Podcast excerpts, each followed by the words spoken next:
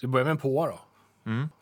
Eh, Jag ska prata om eh, strålspårning, som det så vackert heter på svenska. Raytracing kanske man känner igen mer. Spännande. Jag tänkte prata om, eh, det blir en del rymdnyheter faktiskt i den här sändningen. Ska vi prata om Samsungs nya smartklocka också tänkte jag. Och Som du ju har på armen. Som jag har på armen, dagen till ära och Lite Black Friday blir det också för min del. Vad är det egentligen? Ja, det, det vill man ju veta. Ja, exakt. Ja, Där har vi det. toppen. Okej.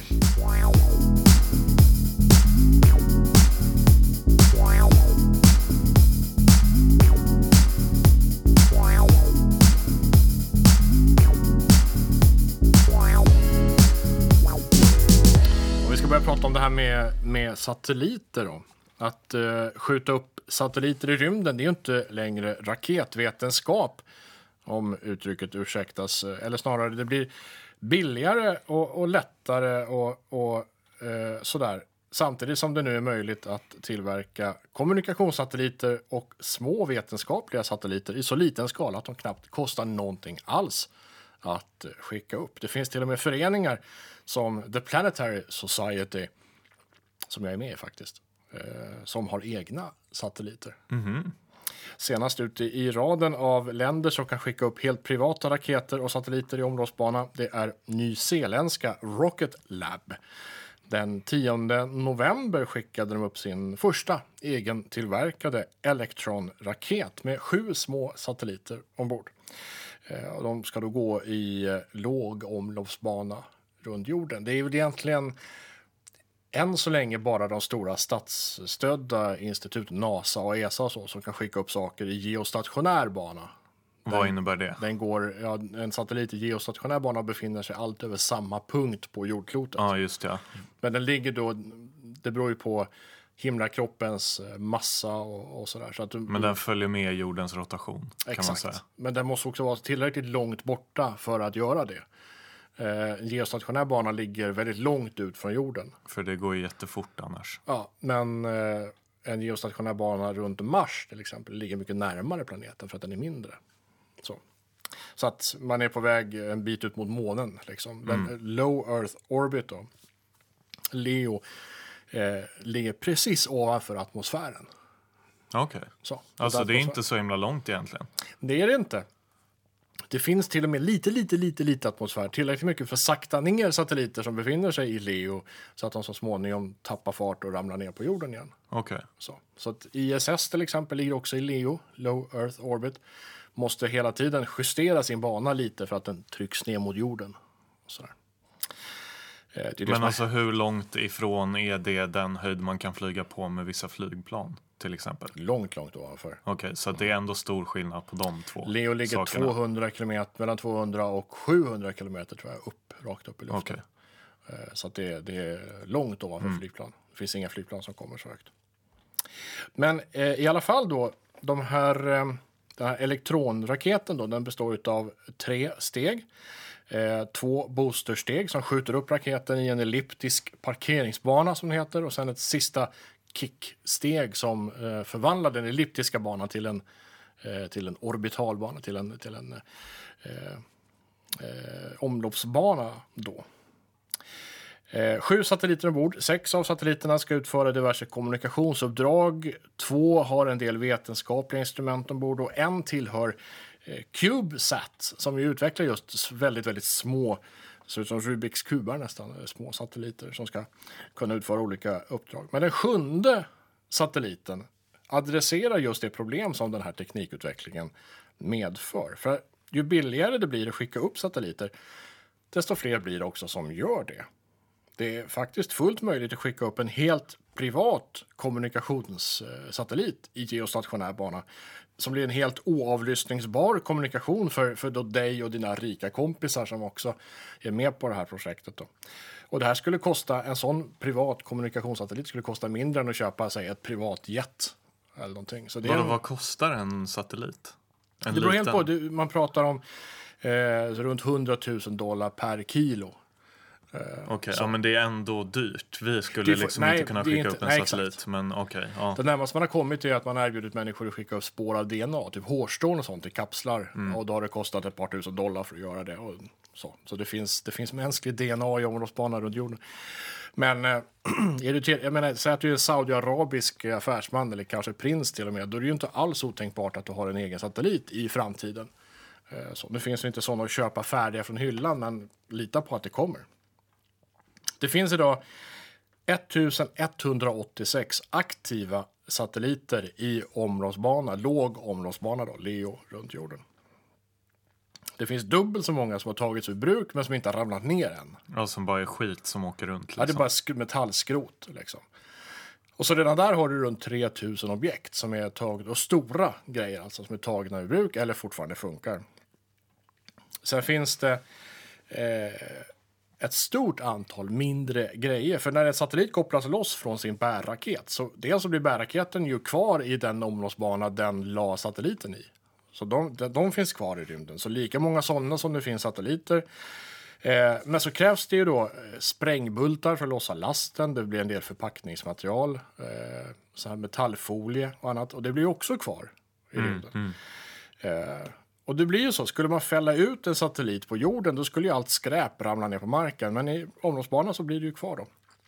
Totalt finns det 680 000 små föremål i omloppsbanan som vi Det har måste koll ju på. helt enkelt vara skitsvårt att skjuta upp någonting för att det är massa skrot överallt. Det är ju så. Eh, och till det kommer då så här miljoner mindre grejer som vi inte har koll på. Små färgflagor och små metallspån och sånt där som har blivit över från, från kanske tillverkning och så. Men en färgflaga som rusar runt jorden i 8 km per sekund har väldigt mycket anslagsenergi. Tillräckligt för att göra ett litet hål i en rymdstation till exempel. Och det vill man inte vara med om. En massa, eh, massan gånger hastighet ger resultat som potentiell rörelseenergi. Det är ju basal fysik. I hastigheten 8 km per sekund, vilket du måste då få upp ett objekt i för att det ska gå i omloppsbana. Mindre än så så kommer du tillbaka hit då, till jorden. Och högre så, ja då kommer du få en större omloppsbana. Men eh, här då så motsvarar den här låga omloppsbanehastigheten eh, 29,8 megajoule per kilo. Okej, Och hur mycket är det då? ja.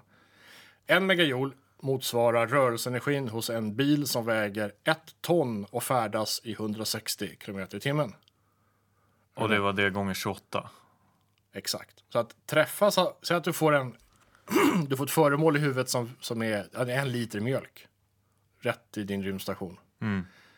Då motsvarar det att träffas av 40 Renault Twingo som kör i maxfart längs autobahn. Ja, det, Samtidigt. det är ju inte kul.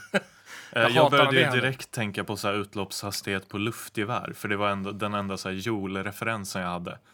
Och det mäter man ju i vanliga joule. Ja, det är en, en jag tror att maxgränsen by law är en joule. Ja, exakt. Och Går det det det vill det man ju inte ha i huvudet. Ja, det är ju jätteont. Och det är ju ganska lite i sammanhanget då, får man Ja, säga. en megajoule är ju en miljon sådana kulor som du träffas av exakt samtidigt. Yes. Ja, det, ju man fattar ju att det inte är någon lek, helt enkelt. Det är enormt höga hastigheter. Eh, Så tillbaka eh, till den här nyzeeländska raketen. då. Den sjunde satelliten det är en försökskonstruktion med ett slags eh, rymdsegel. Inte för, för att solsegla till någon annan planet utan den ska fånga upp uttjänta satelliter och smådelar och sen skjuta tillbaka dem till jorden. Va? Det. Coolt. Ja. Tänker direkt på de här... Eh, japanska polisen har ju en, eh, ett gäng som liksom jagar andra drönare med drönare. De Ja, har så drönare som kastar nät Ja. på andra drönare. Ja. Jag tänker att det här liksom är rymdmotsvarigheten Exakt, till... fast precis i 8 kilometer i sekunden. Ja, exakt. Och den ska städa upp eh, liksom allting. Ja, för, för grejen är att NASA har tillsammans med ESA tagit fram flera prototyper på satelliter som man skickar upp och som fångar in alltså stora full-size satelliter som skickas upp med, med stora bärraketer. Eh, och sen fångar in en utkänd satellit. I bästa fall får tillbaka den till jorden oskadad, eller hyfsat oskadad med fallskärm så att Mm. Ja, den kan då finns... byggas om ja, eller något. precis. Då finns det ju lite mer ekonomisk vinning i det. Ja, man skulle jag, kunna man- tänka sig det. I och för sig så är det mest ädelmetallerna man vill åt. Man tror inte att man kan liksom reparera dem, men i alla fall.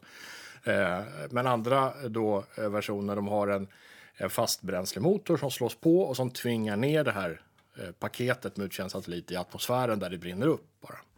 Eh, Så de två metoderna. Men det är en otroligt dyr omständlig process och det är en fullstor raket eller fullstor satellit eh, med de enorma kostnader det medför. Dem. Det här är ett försök att med en mycket liten satellit, stor som två tegelstenar ungefär, veckla ut ett, plus en liten motor, veckla ut ett, ett segel som fångar upp på ett väldigt enkelt sätt och som bygger på artificiell intelligens. Så man skickar egentligen bara upp dem och sen talar man om vilket område den ska städa. Sen fyller den sitt segel och åker tillbaka till jorden och brinner upp. Det innebär att om den här tekniken skulle funka så kan man skjuta upp kanske tusen sådana här små raketer Ja, som, som städar varsitt litet område. Små städrobotar. Ja, och sen åker det, som en, som en sån här Romba dammsugare, som en hemmarobotdammsugare. Lite mer avancerad kanske. Lite mer, men inte, de fortfarande bara- inte på, på liksom den här toppnivån ändå, som Nej. skulle bli jättedyr. Nej, för de dammsugarna känns alltså så dumma. De bara står och så här brummar in i en vägg. Bara, mm. Det, det är väl så. Det finns ju inga väggar i och för sig i rymden, så det är ju Det skönt. finns inga, och inga katter heller som Nej.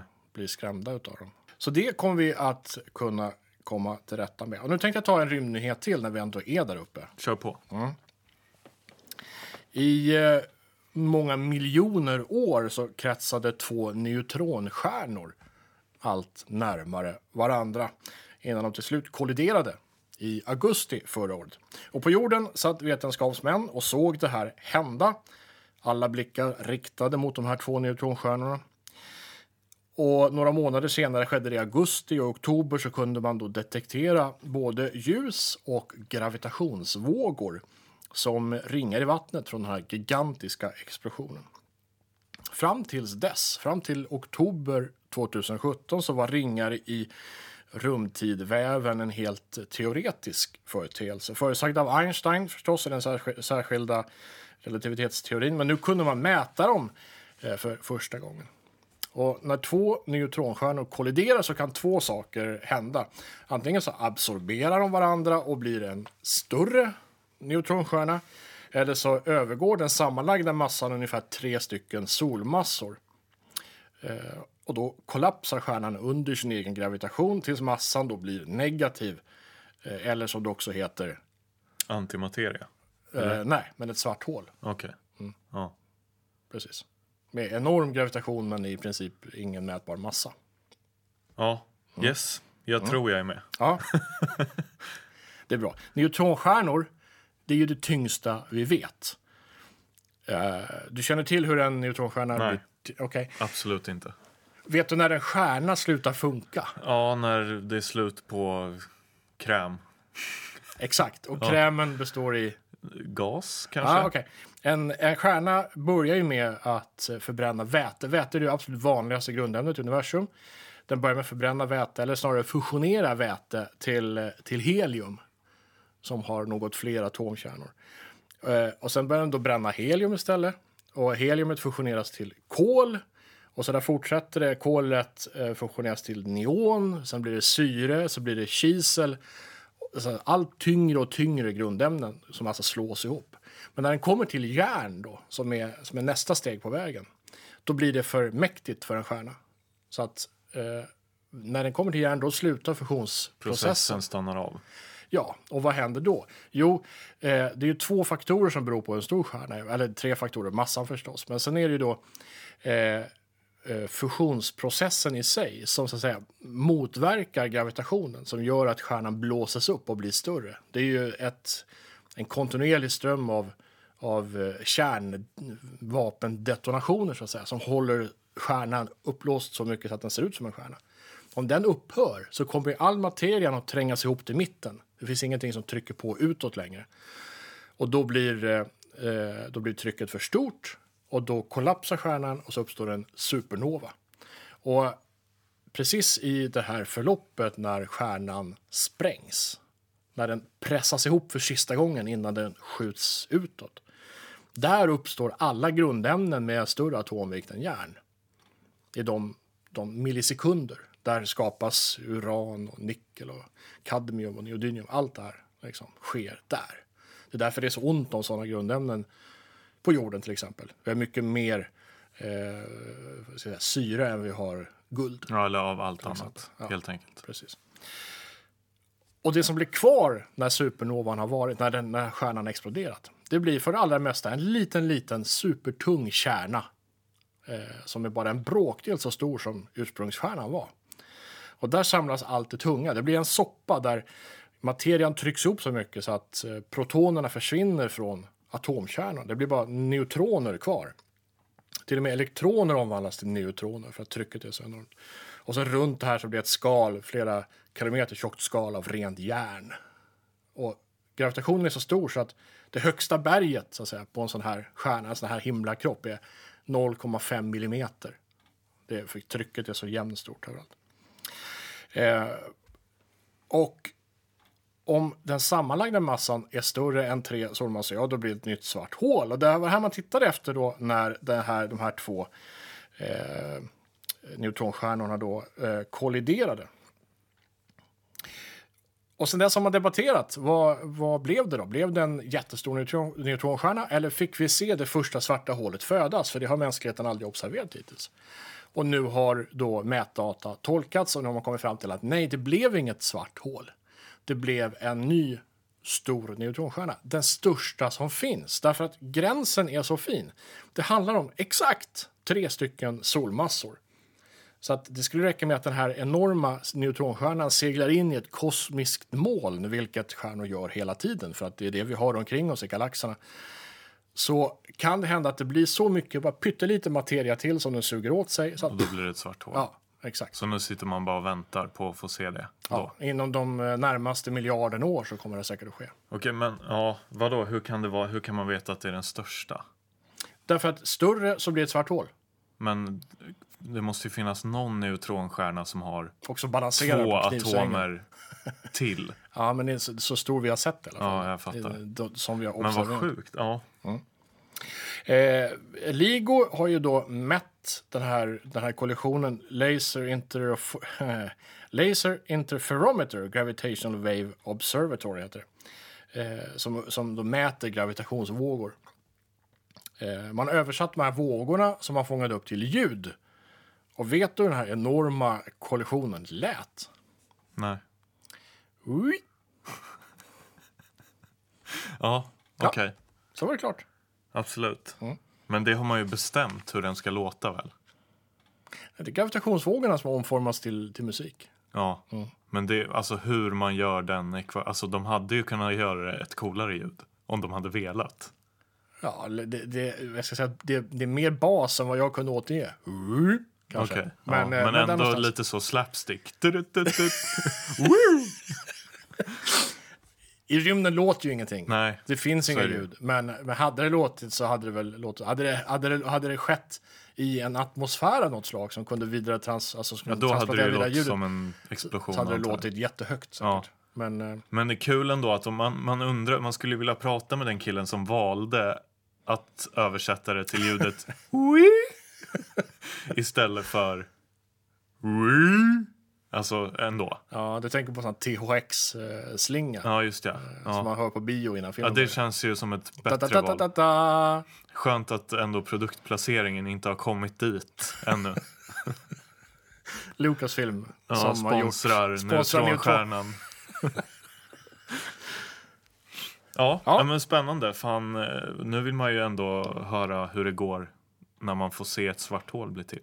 Ja, den som lever eh, några hundra miljoner år får se. Ja, ska vi lämna rymden? Ja, det kan vi. Vi beger oss till jorden eh, och eh, simulering, eller datorgrafik Ja. kan vi säga. Från ett nördigt ämne till ett annat, men det är ju det det här programmet handlar om. Så Ja, att men säga. så. I veckan så släppte DICE, spelföretaget, det svenska spelföretaget, en uppdatering till Battlefield 5.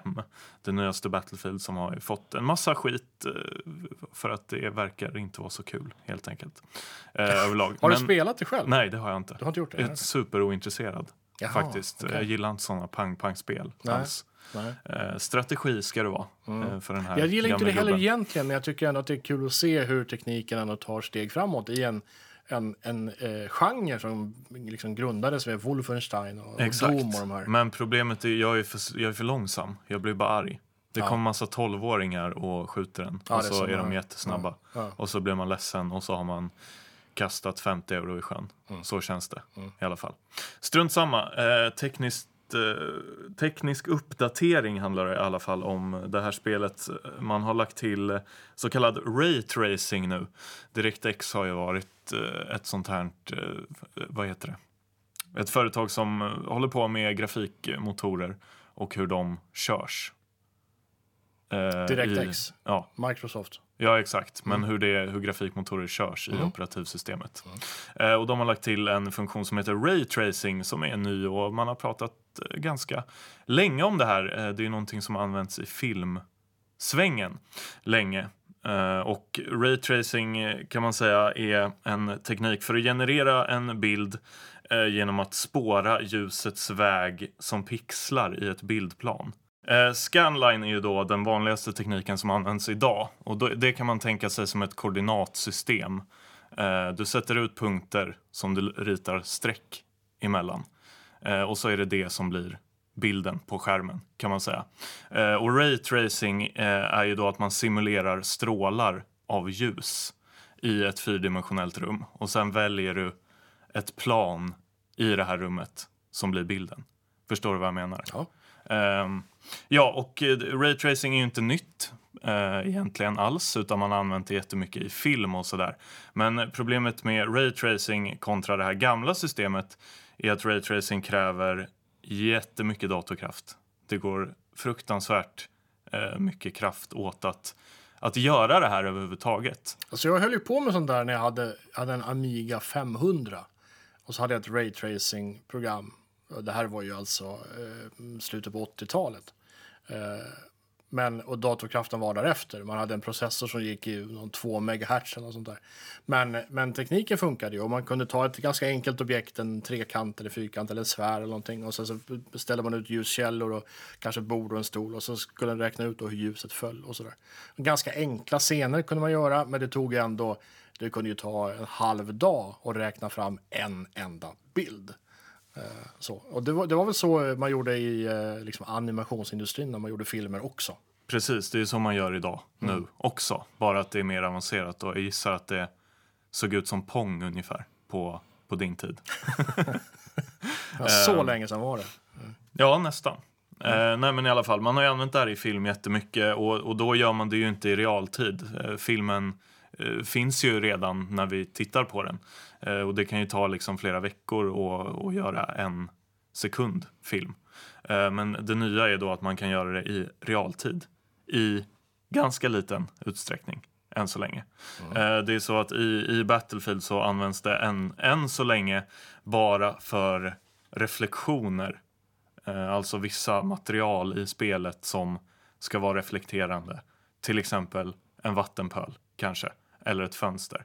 Eh, Och eh, den svenska spelsajten eller hårdvarusajten Sweclockers eller Sweclockers eh, har såklart gjort tester på det här. De testar ju alla nya grafikkort och sådär. Och eh, de märkte att när de slog på eh, den här eh, raytracingen eh, med de såklart dyraste, nyaste Nvidia-korten, för det är bara de som stödjer det här, så gick allting ungefär 50% långsammare. Eh, På grund av lite blänk i en vattenpöl. exakt. Eh, och såklart varierar det ju på var man står och var man tittar och sådär i spelet. Eh, liksom. men, men det är ju fortfarande väldigt, väldigt tungdraget.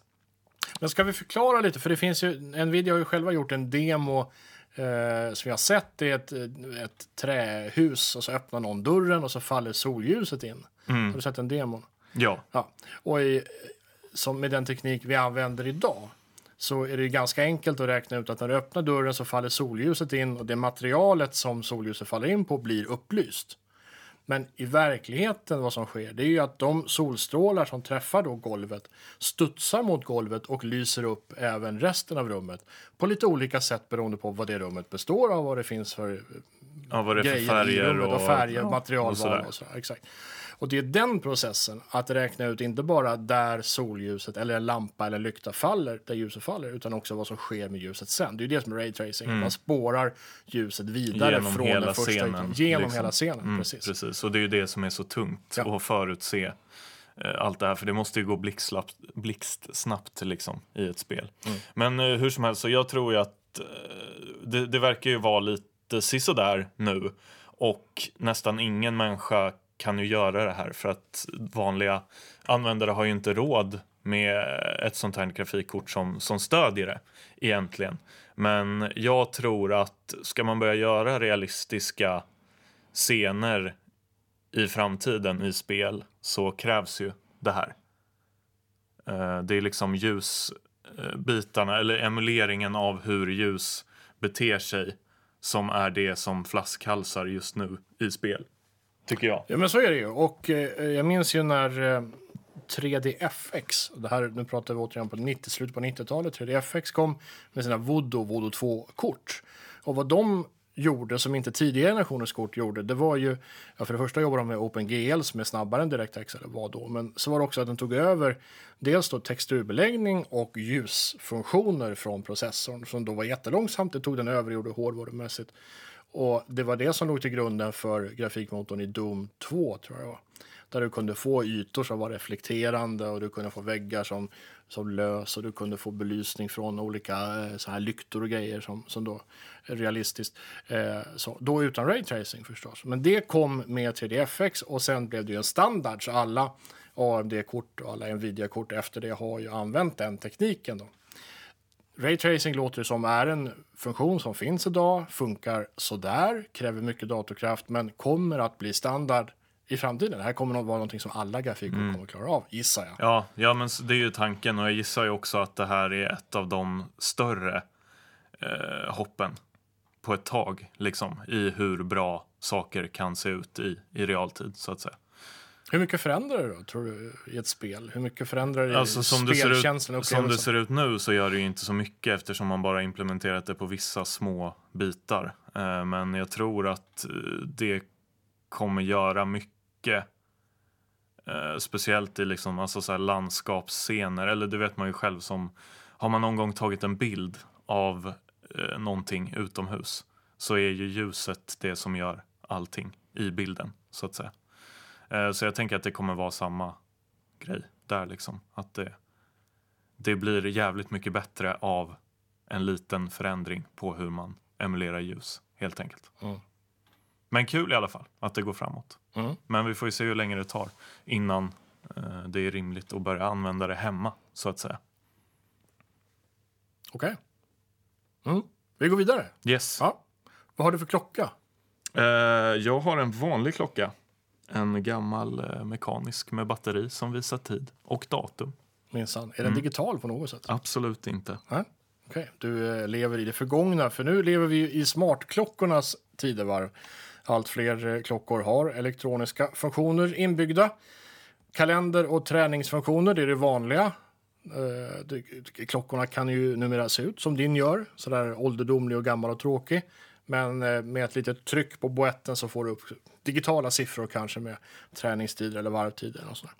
Eh, en del har till och med så kallade CIRF-kretsar, alltså GPS-kretsar som man kan eh, löpa och, och då se hur långt man har löpt. Och kanske till och med då enligt vilken rutt och så kan man importera det där via Bluetooth in i en dator och se en karta över hur man har sprungit. Och så där. Det kommer också. Eh, de som går längst bygger ju klockan helt runt ett mobiloperativsystem. Och I det eh, segmentet så har vi ju då till exempel Apple, Huawei eh, har ju lanserat klockor och Samsung som kanske blir störst även i det här segmentet. Och de flesta där bygger klockan runt Wear OS som är Google som står bakom. Det är en variant av Android som man nog kan säga att Google kontrollerar. Eh, utom Apple, eh, då, de bygger eh, alltihopa runt eh, en bantad version av iOS. Så, samma som iPhone och så vidare. Eh, och så faktiskt även utom Samsung, för de bygger sin på Tizen OS. Som är en eh, nedskalad variant av Linux. Så. Eh, Så Android och Tizen har ju samma rötter, bägge kommer från Unix Linux-världen. sådär. Och Tizen kan faktiskt köra Android-appar, eh, men inte direkt då från APK-format. Man måste ha någon specialstore emellan som liksom konverterar formaten. Jag fick en eh, eh, Samsung då, Galaxy Watch precis eh, direkt vid lanseringen här i slutet av september och jag har använt den sedan dess. Det är också den första klockan som stödjer eSIM faktiskt, och med ett eh, Telia-abonnemang. Det är de enda som erbjuder eSIM i, i hela Norden. Men det finns andra i bara Sverige och sådär. Men vill man ha ett som funkar i Norden då, då är det Telia som gäller. Det är alltså ett digitalt simkort kan man säga.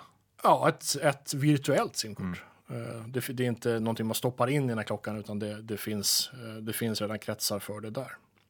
Eh, Men man kan alltså ringa med klockan från klockan eller ta emot samtal i klockan. Och man kan ju koppla klockan i sig till, till eh, blåtandstillbehör. Så du kan ju ringa med klockan men ta ljudet i en Eh, hör hörsnäcka eller i, i bilen eller vad man nu har för utrustning. Eh, och eSIM är ju kopplat till ett befintligt abonnemang så det är samma nummer eh, som din vanliga mobil som ringer eller blir uppringd. Men du väljer att svara eller ringa från eh, klockan. Då. Eh, det finns eh, tusentals olika urtavlor att ladda hem.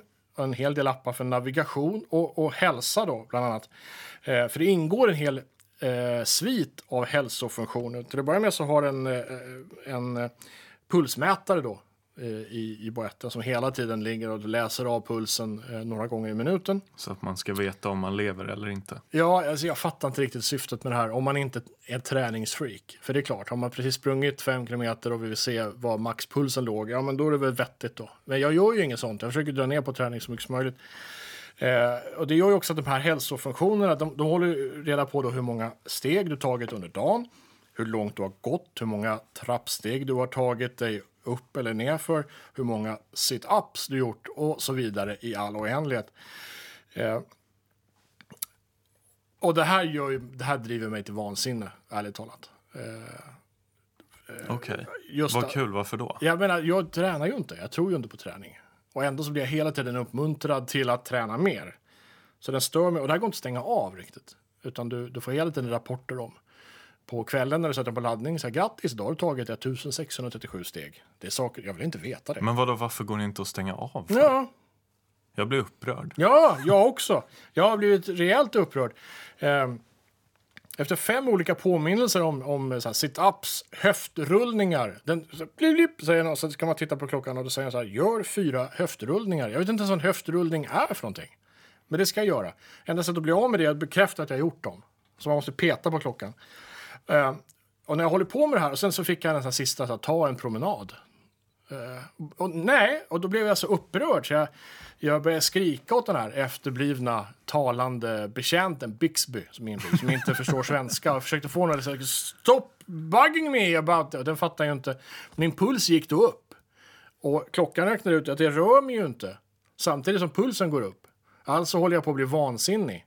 Och då säger något med att men ta det lugnt en liten stund. Inte med just de orden, men du kanske borde ta en paus och vila dig ett ögonblick. Och då blir man ju ännu mer förbannad och börjar skrika. Så det där är någonting som driver mig fullkomligt till vansinne. Det är ju som att den är förvånansvärt smart men också dum på samma gång. Ja. För att det är häftigt att den kan säga åt den att man är arg. Ja. Men det är också kontraproduktivt och problemet är att den inte förstår att det är den som man är arg på. Ja men exakt. Det är som när du bråkar med din flickvän och hon säger åt dig att lugna ner dig lite grann. Ja, det är inte precis. det sista man vill höra. Man vill ju vara arg och få ur sig det här. Ja, otroligt irriterande. Men det funkar ju. Man kan, alltså, om man nu vill bli nådd överallt utan att ha telefonen med sig, så ja, då funkar det ju. Du har alltid den med dig. Folk kan alltid ringa och messa dig. Eh, och du, ja, du kan ju ta emot Messenger-meddelanden då. Den är kopplad till sociala medier. Du kan ta emot sms och MMS, den här gamla tekniken, direkt i klockan. Du kan knappa in en adress i Google Maps på telefonen och sen få pilar och körinstruktioner i klockan. Eh, vilket förstås är, är bra om du cyklar, kanske. Ja, Eller kör moped. ja, det är också nästan träning tänker jag. Så det är ju kanske inte en funktion Nej, då som... inte. Men moped funkar ju. Ja. Elcykel på sin Ja, höjd det. Men du kan titta på klockan och då är det en pil som visar höger i nästa sväng och sen så är det 2,3 km kvar. Så det är ju praktiskt. Eh, två punkter för kritik då efter att testa klockan. För det första, batteriet räcker i ungefär ett dygn. Man måste i praktiken ladda upp den varje natt. Eh, det är lite bökigt. För om du reser bort, bor på hotell och, och, sådär, då måste du ha med dig laddaren som är De, specifik. de gångerna som man egentligen mest behöver en klocka Ja. så funkar den inte. Nej, det, det är sant. Och då måste man med den här laddaren, det är ju inte någon vanlig sladd som du kan köpa var som helst och plugga i, utan det är ett särskilt ställ med induktiv Ja, det är laddning. Induktionsladdning. ja, exakt. Så det är ju det. Och sen är det att om man eh, då vill ha en klocka som inte piper hela tiden, utan ställer den på ljudlös, vilket jag har jämt, då hörs inte alarmen heller. Det finns ingen funktion för det. Nej, du måste ha allt ljud på, även alarm, eller inget ljud på, inget alarm. Eh, dåligt. Eh, tycker vi inte om. Och sen kan man ju inte stänga av de här hälsofunktionerna. Man kan stänga av en del av pop-up-tipsen, men du kan inte stänga av hälsosviten som sådan. Okej, så höftrullningarna går inte att stänga av? Nej. Det är ju helt sjukt. Ja, det är helt bisarrt. Jag tror att många som köper en sån här klocka gör det just för träningsapparna. För att hålla koll på sitt, sitt uh, nyttiga liv. Men jag som försöker vara så onyttig som möjligt, för mig funkar det inte. Men vad, vad har du använt den till? Vad är den bra för för dig? Det vill jag inte erkänna. Ingenting. Alltså jag ser ju... jag För det här, jag har alltid varit, jag har varit så himla skeptisk mot smartklockor ända sedan idén liksom Ja. kom fram. För jag förstår inte vad jag ska ha den till. Det jag använder det mest till det är att kontrollera vad tiden är. Ja, okej. Så att du, du har en klocka med ett, ett dygns batteritid. som du kan byta urtavla på utan att skruva sönder den. Ja, det är också en, en sån där USP, unique selling point. Jag ville kunna byta urtavla Mm. hela tiden. Så det gör jag. Har köpt, varje urtavla kostar ett par euro. Jag har köpt eh, säkert hundra. Det är någon så här, du, du är någon slags mikrotransaktionshelvete nu som bara pågår. Jag kommer inte ur det. slut. För varje dag kommer nya urtavlor som är jättesnygga. Ja. Och gula, sådär, eller röda. Det finns Star Trek-urtavlor, det finns Star Wars-urtavlor, det finns Mm. djävulsurtavlor. Det finns till och med ett, en Jesusfigur som åker runt som visar det här. Det finns allt. Du kan få se ut som en gammal eh, farfars klocka, du kan få den se ut som någonting super. Ja, det är verkligen, det finns massor olika. Men jag tänkte på det, om den, den säger åt dig i slutet av dagen vad du har gjort. Har du någonsin råkat göra en höftrullning? Nej. Okej. För det, okej, men då säger vi så här, då, om någon vet vad en höftrullning är, mejla då till Ja. oss och förklara vad det är. Visst. För jag vill verkligen veta. Teknikmagasinet at alandsradio.ax. Precis. Mm. Men okej, så helt värdelös egentligen då? Nej, men Vad kostar den? Ja, beroende- det finns två modeller. En som är 42 mm på ett och en som är 46. Och 46 kostar närmare 500. Jag tror priset har gått ner lite nu sedan introduktionen, men någonstans där. Eh, men, den är ju suverän att se eh, tiden på. Som du ser. Jag har den på mig nu. Jo, Du Mm. precis. ser ju tiden. Och, och När vi spelar in i, detta är klockan 13.39. i klocksammanhang så är ju kanske inte 500 euro så mycket om man är eh, klocknörd i, an, i, med, på vanliga klockor. Liksom. Nej, just det. Så, så egentligen så kanske den inte är så dyr då. Ja, som klocka betraktat så är det inte så dyr. Det är, Men, eh, den, har, den är ju begränsad eftersom batteriet bara håller ett dygn. Ja, ja det, det beror ju på lite vad man har för, Hur för länge räcker batteriet i din klocka? Ja, något år Ja, det är lite skillnad. gissar jag. Och går inte heller att byta urtavla. Det Tyvärr. går, men det, det kräver en del klockkunnande och några skruvmejslar. Ja. Jag, jag kan byta den åt dig om du vill. Ja, nej, du får inte pilla med min klocka, känner jag. Du kommer, kommer bara få någon konstig Jesusfigur som flyger runt. Jag har tecknat med en uppmanar till olika saker. Mm. Eh, ja, men Frippe, du har väl crowdfundat en del? Det Ja, känns som gud det. ja. Ja, visst har jag det. Hur skulle du säga att det har gått i allmänhet? Som regel så har jag blivit väldigt besviken. Eh, Men det finns också ljuspunkter. Jag går till exempel alltid runt med en, en pryl i min jackficka. Som är ett, ett multiverktyg, fast det är ingen kniv då, för det får man inte ha på allmän plats. Så. Men det, du har skruvmejselgrejer, du har, den är gjord i kolfiber. Eh, Jättelätt, men man kan liksom dra åt skruvar, man kan dra åt muttrar, man kan mäta saker, man kan allt möjligt med den. Eh, och funkar också som karbinhake och klarar en vikt på 1000 kilo. Någonting. Så att man, Jaha. den, jag inbillar mig att den är nyttig. Och den har jag varit med om att dels crowdfunda, dessutom har jag fyllt i ett formulär där jag har valt hur den ska se ut. De gick på den som fick eh, flest röster, det var inte min. Så jag, inte, jag kan inte säga att jag varit med och designat den, men jag har varit med i alla fall om att... Du har varit med och försökt, Försökt att designa den. Eh, så, den, så den var lyckad. Grejen var att eh, de är alltid så optimistiska. De tror att den ska vara klar inom här, två veckor. Om två veckor kan vi börja massproducera. I själva verket så är det två år. Jag väntade ja, nästan två år på just den här prylen. Då. Så, men jag har också varit med och crowdfundat grejer som aldrig har blivit någonting. Jag har bara kastat bort pengarna. Ja, men då, man får inte nytta. tillbaks någonting då. Nej, inte en cent för.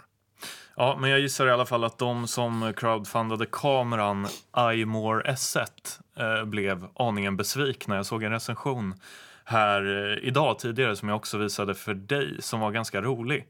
Eh, det är då en eh, videokamera eh, och tanken är att man ska koppla in sin mobil till den här kameran för kameran har ingen skärm eh, och heller inga knappar.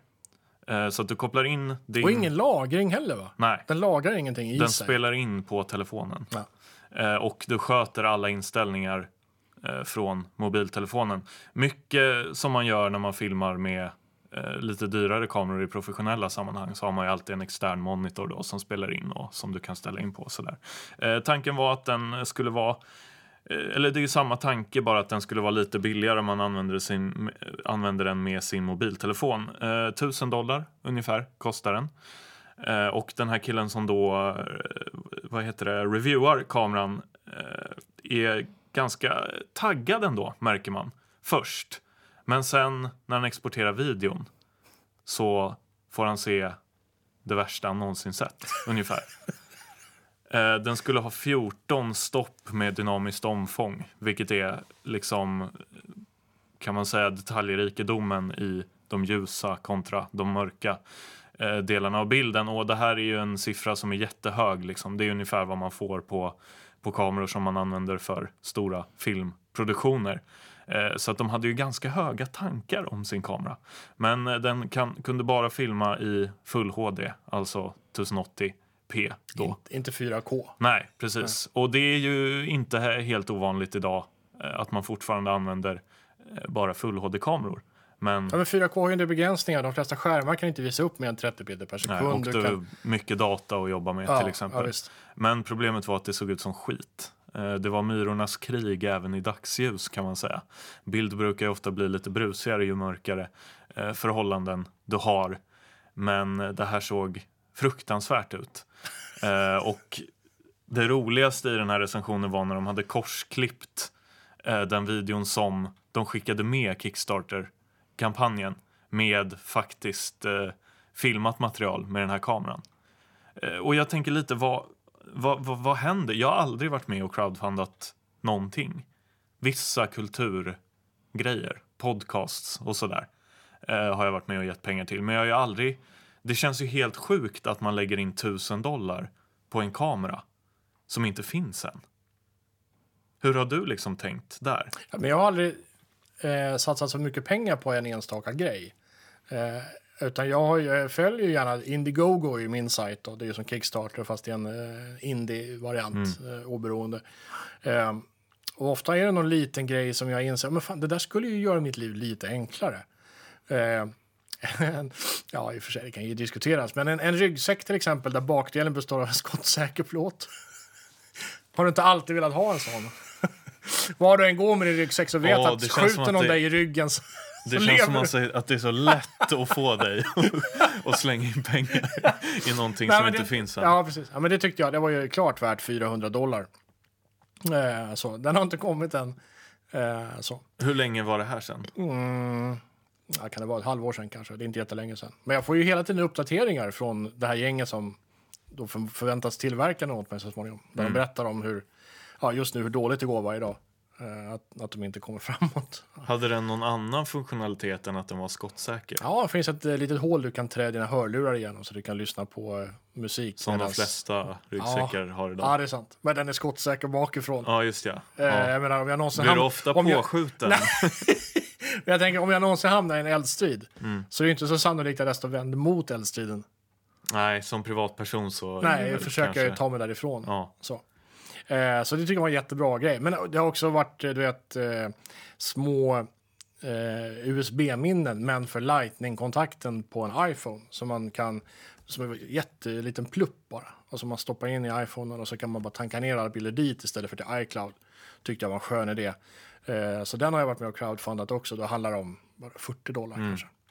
Så, så man får Men funkade den då? Ja, den har inte kommit. Nej, det känns inte som att Apple ens släpper koden till... Apple ett går ju företag från som vill Light- göra det. Lightning-kontakten nu och ska Ja, börja köra USB-C. Så att den är ju helt ute då. Men Ja. eh, det, var, det var två år sedan. Jag får fortfarande uppdateringar om hur dåligt det går. Sådär. Det är kul också att följa. Plus att jag ju har då varit med och fundat grejer som faktiskt har kommit och som har varit bra. Som den här multiverktyget. Mm. Vad, sku, vad är det för ratio skulle du säga på bra och dåligt? 3 till 1 skulle jag säga. tre grejer går totalt om inte att dina pengar är borta. En grej blir bra och den kommer så småningom. Man undrar om det finns någon lagstiftning som på något sätt reglerar det här. Nej, det gör det inte. Allt det här ligger i USA och följer amerikansk lagstiftning och det finns egentligen ingen konsumentskyddslag i USA. Det finns i vissa delstater men inte någon federal lag.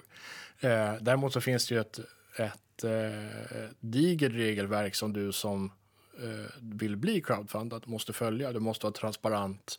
Du ska kunna visa upp grejer du har gjort tidigare. Du ska eh, så, Alltså företagen som sysslar med själva hanteringen av betalningar och sådär Ja. har lite krav på, Precis. på dig som... Men det har varit en hel del scam-grejer som har dykt upp som har varit direkt falska.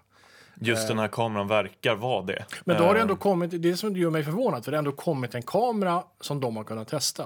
Hade det här varit ren scam, där de bara vill ha dina pengar och sen försvinner, vilket då har hänt ganska mycket tills de här Indiegogo och Kickstarter skärpte sina regler, då hade det inte kommit någon kamera att testa. Så Men det jag här är ju för någon som att- vill och tror på den här produkten. Ja, det, jag tänker att det är lättare att bara skicka med något skit. Det är lättare att komma undan med det då. Är det inte det? Bara, nej, den blev dålig är ju bättre än den blev inte alls.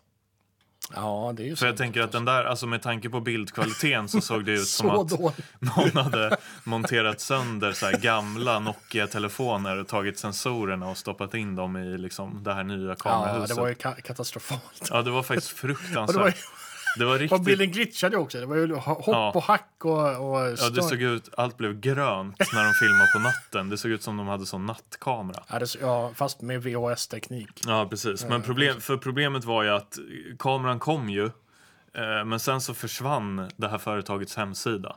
Så att det verkar ju som att det är något skumt, helt enkelt. Men jag hade min kompis crowdfundade ett par solglasögon som skulle ha typ induktionshögtalare i sig. Så att i bågarna, så här, i ändan på bågarna, de, de, den biten som ligger över örat, där satt det någon liten vibrations... Eh, mojäng liksom, som skulle köra ljudet rakt in i örkanalen. Ja. Så att tanken är då att du ska kunna sitta på bussen eller tunnelbanan eller vad det nu är med de här på dig och ingen kring dig ska kunna höra för att ljudet leds in i skallbenet och resonerar i huvudet. Och, och det här tog ju... Det var jag alltid velat ha. Ett vibrerande, vibrerande huvud. Det Ja. låter ju helt, helt sunt. Ja, det är ju en jag. fantastisk idé. Ja, verkligen. Om det hade funkat. Det är ju det som är problemet. Eh, De kom tre år för sent. Eh, Och de, alltså, de gjorde så ont att ha på sig. Det var helt sjukt. Gjorde det de, ont? Ja, alltså, det, det kändes som att de kanske tryckte med, ja men säg 600-700 grams tryck på sidorna av huvudet. Och det lät fruktansvärt. Och det lät också i rummet ganska mycket. Så egentligen Men allt... hörde man musik in i huvudet då? Man hörde musiken i huvudet, men det var ju som att höra sin grannes musik genom en betongvägg ungefär. Ja, jag vet inte. Så min tanke kring det här med Vad dåligt, crowdfunding kan jag tycka då. Det var dåligt. känns... eh, Jag, jag skulle nog inte våga slänga in några större pengar i alla fall. För man blir ju pressad hela tiden av såna här kampanjer. De Mm. kommer ju in i ens flöden och bara sponsra mig med det här så får du kanske en produkt om fyra år som inte funkar. Apropå press då, den här eh, den berömda juicepressen, Ja, eh, den föddes ju som ett, som ett Kickstarter-projekt. Och det är då en ganska stor eh, vakuumgenerator, en kompressor och det ska anslutas till eluttag och den ska laddas upp en stund med tryck och, och sådär. Så ska du sätta i en som en sån här eh, kaffemojäng liksom. en fast i- puck typ. Ja, som- precis. Fast istället så är det en förpa- förpackning med juice som du sätter i den här. Och sen tillsluter du den, skruvar fast de här fyra skruvarna, så ställer du ett glas under, trycker på en knapp och så efter en halv minut så har du ett glas juice. Ja, det skulle ju Men vara det- en påse med frukt egentligen. Det Ja, var ju det visst. som var tanken från början. Jag tror att det var Att det det. skulle vara färskpressad juice. Ja, att man liksom. med vakuum skulle skapa den här, den här juicen utifrån färsk frukt. Men det blev ju inte så, utan det slutade ju med när investerarna kom in sen att det blev ju en juiceförpackning som, som du lika gärna kan liksom bara ta med handen och klämma på så kommer det juice. Ja, Men juicen krävs- var färdig i påsen. Ja, Eh, och sen så var det också bara en grej som tryckte på påsen. Det var ju inget vakuumtryck visade det sig. alltså, Utan det var bara en liten grej som klämde på en påse. eh, och jag minns att eh, det, det här blev ju så stort för att eh, många som sponsrade den här var ju såna här raw diet-människor i Silicon Valley. Just Så det var ju därför alla, dels att folk ändå skar upp påsen och kollade till slut. Mm. Eh, men också att det blev så stort i medier när, det märkt, när folk märkte att det bara var eh, scam. Ja, hela ren, alltihopa. ren egentligen. Ja.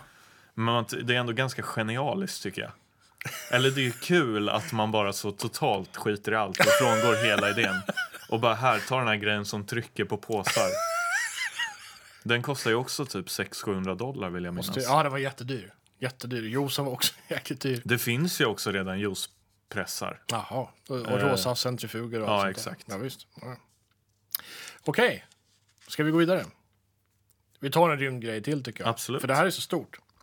I tio år har man pratat om hur Voyager 2 nog är på väg ut ur heliosfären snart. Alltså på väg eh, ut ur det område där solen med sin solstrålning och gravitation påverkar objekt inne i heliosfären.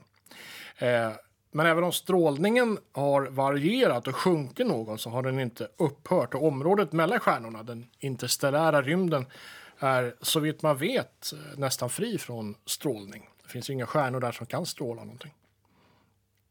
Men nu då i mitten av oktober så skickade Voyager ett meddelande. Strålningen upphörde väldigt abrupt. Den har en eh, partikelsensor. De flesta instrument är avstängda eller har liksom slutat fungera. Men partikelsensorn eh, den funkar fortfarande. Den registrerar jontätheten eh, som energitäthet i millielektronvolt. Och efter att ha varit på väg i 41 år och mätt upp runt 30 millielektronvolt under de senaste fem åren så sjönk värdet till nära noll, eller 17 mikro eh, millielektronvolt eh, mellan den 4 och 5 november i år. Eh, så nu kan man då med viss säkerhet säga att Voyager 2, det första mänskligt byggda objektet eh, som lämnat vårt solsystem och nu är ute i den interstellära rymden. Den sista kurskorrektionen förresten gjordes i januari 2017. Då hade man inte tänt raketerna på nästan 20 år. De skickades ju upp 1977, de här Voyager 1 och 2. Men sista kurskorrektionen i januari eh, och det gjorde man för att rikta, dels att rikta in Voyager 2 mot stjärnan Sirius som är en eh, binär stjärna också för övrigt som vi pratade om tidigare. Men också för att få då eh, radar eh, eller förlåt radioantennen riktad bättre mot jorden. Sådär. Och de har gjort det.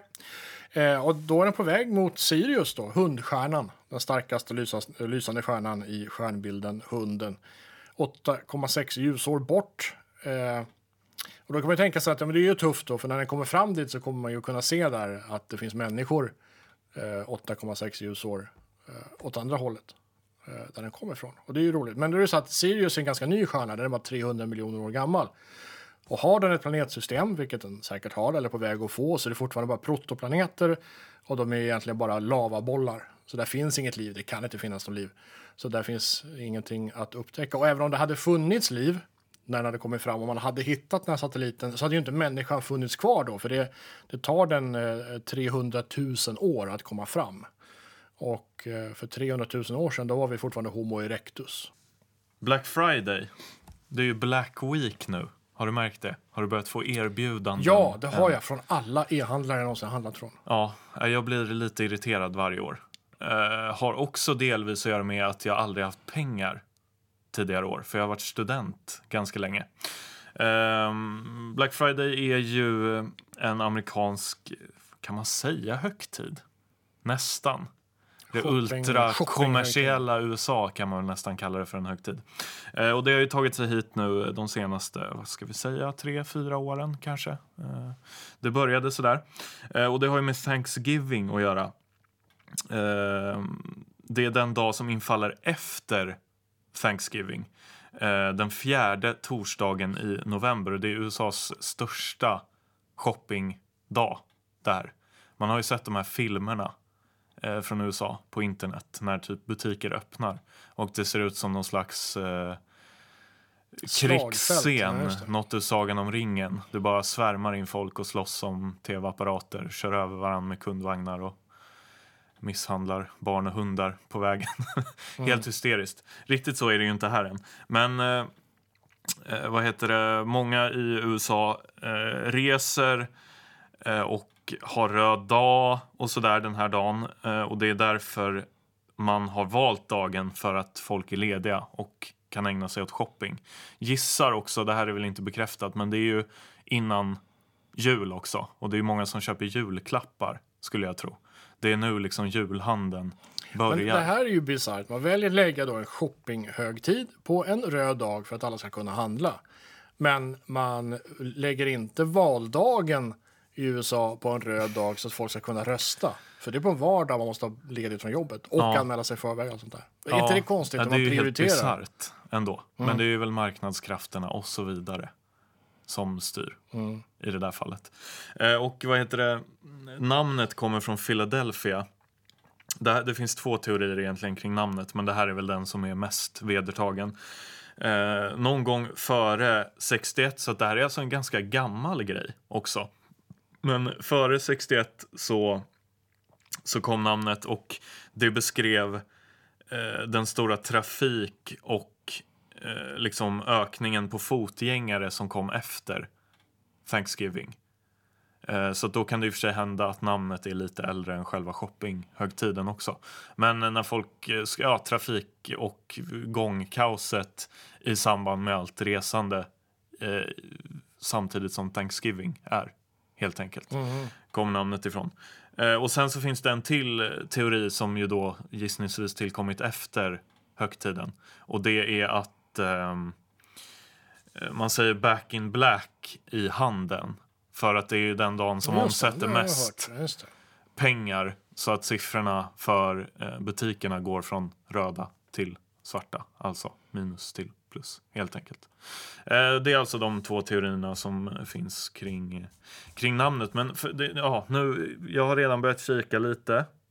Det här är ju en podd, va? så det kan hända att man lyssnar efter Black Friday. Men det, liksom, jag har ju ändå följt det här på internet i några år och tänkt tänkt på och sett hur folk laddar liksom inför den här högtiden. Speciellt så här hårdvaruentusiaster som håller på med datordelar har riktigt stora liksom Excel-snurror som, eh, där de bara lägger in alla liksom erbjudanden och så här laddar upp för att butikerna har ju så här den här timmen har vi specialpris på det här. Men jag tänkte faktiskt att jag skulle liksom lite mer i år ge mig in i det här. Jag har liksom inte velat gräva runt i, i eh, Black Friday innan. Men jag tänkte att i år ska jag så försöka jaga av lite julklappar så här skönt så att det är lugnt sen i december. Behöver man inte tänka hur på funkar det. det, eh, det här fenomenet här då? Fenomenet här är ju helt, det är ju näthandeln som det är stort i. Okej. Liksom. Konstigt att det kryper hitåt på något sätt. Vi är så himla influerade av Mm. Amerikat. Vi har ju fått hit Halloween också. Ja, precis. Mm. De stora shoppinghögtiderna, det omsätter väl också en del skulle jag gissa. I alla fall Halloween i är väl e- egentligen i och för sig då vår äldsta eh, högtid. Den, eh, det var en, eh, under vikingatiden, under järnåldern så var det någonting vi firade här. Så tog vi med oss det när vi eh, ockuperade England och sen eh, anammade kelterna det här och sen på den vägen ner. Men det är vår från början, så vi har tagit tillbaka den då, kan jag säga. Fast i ett sämre Skick. Jag tycker vi det hade varit ifrån oss. roligare om vi hade offrat getter, eller vad man nu gjorde. ja, det är helt enkelt om eh, Black Friday. Och det får avsluta dagens eh, Teknikmagasinet. Det får du göra. Mm. Eh, maila oss på teknikmagasinet at eh, alandsradio.ax. Lyssna på oss eh, där du hittar dina poddar eller på vår hemsida alandsradio.ax. Eh, kom ihåg att berätta vad en höftrullning är via mail. Just det. Jag heter eh, Frippe Granlund. Och jag heter Axel Eriksson. Wow.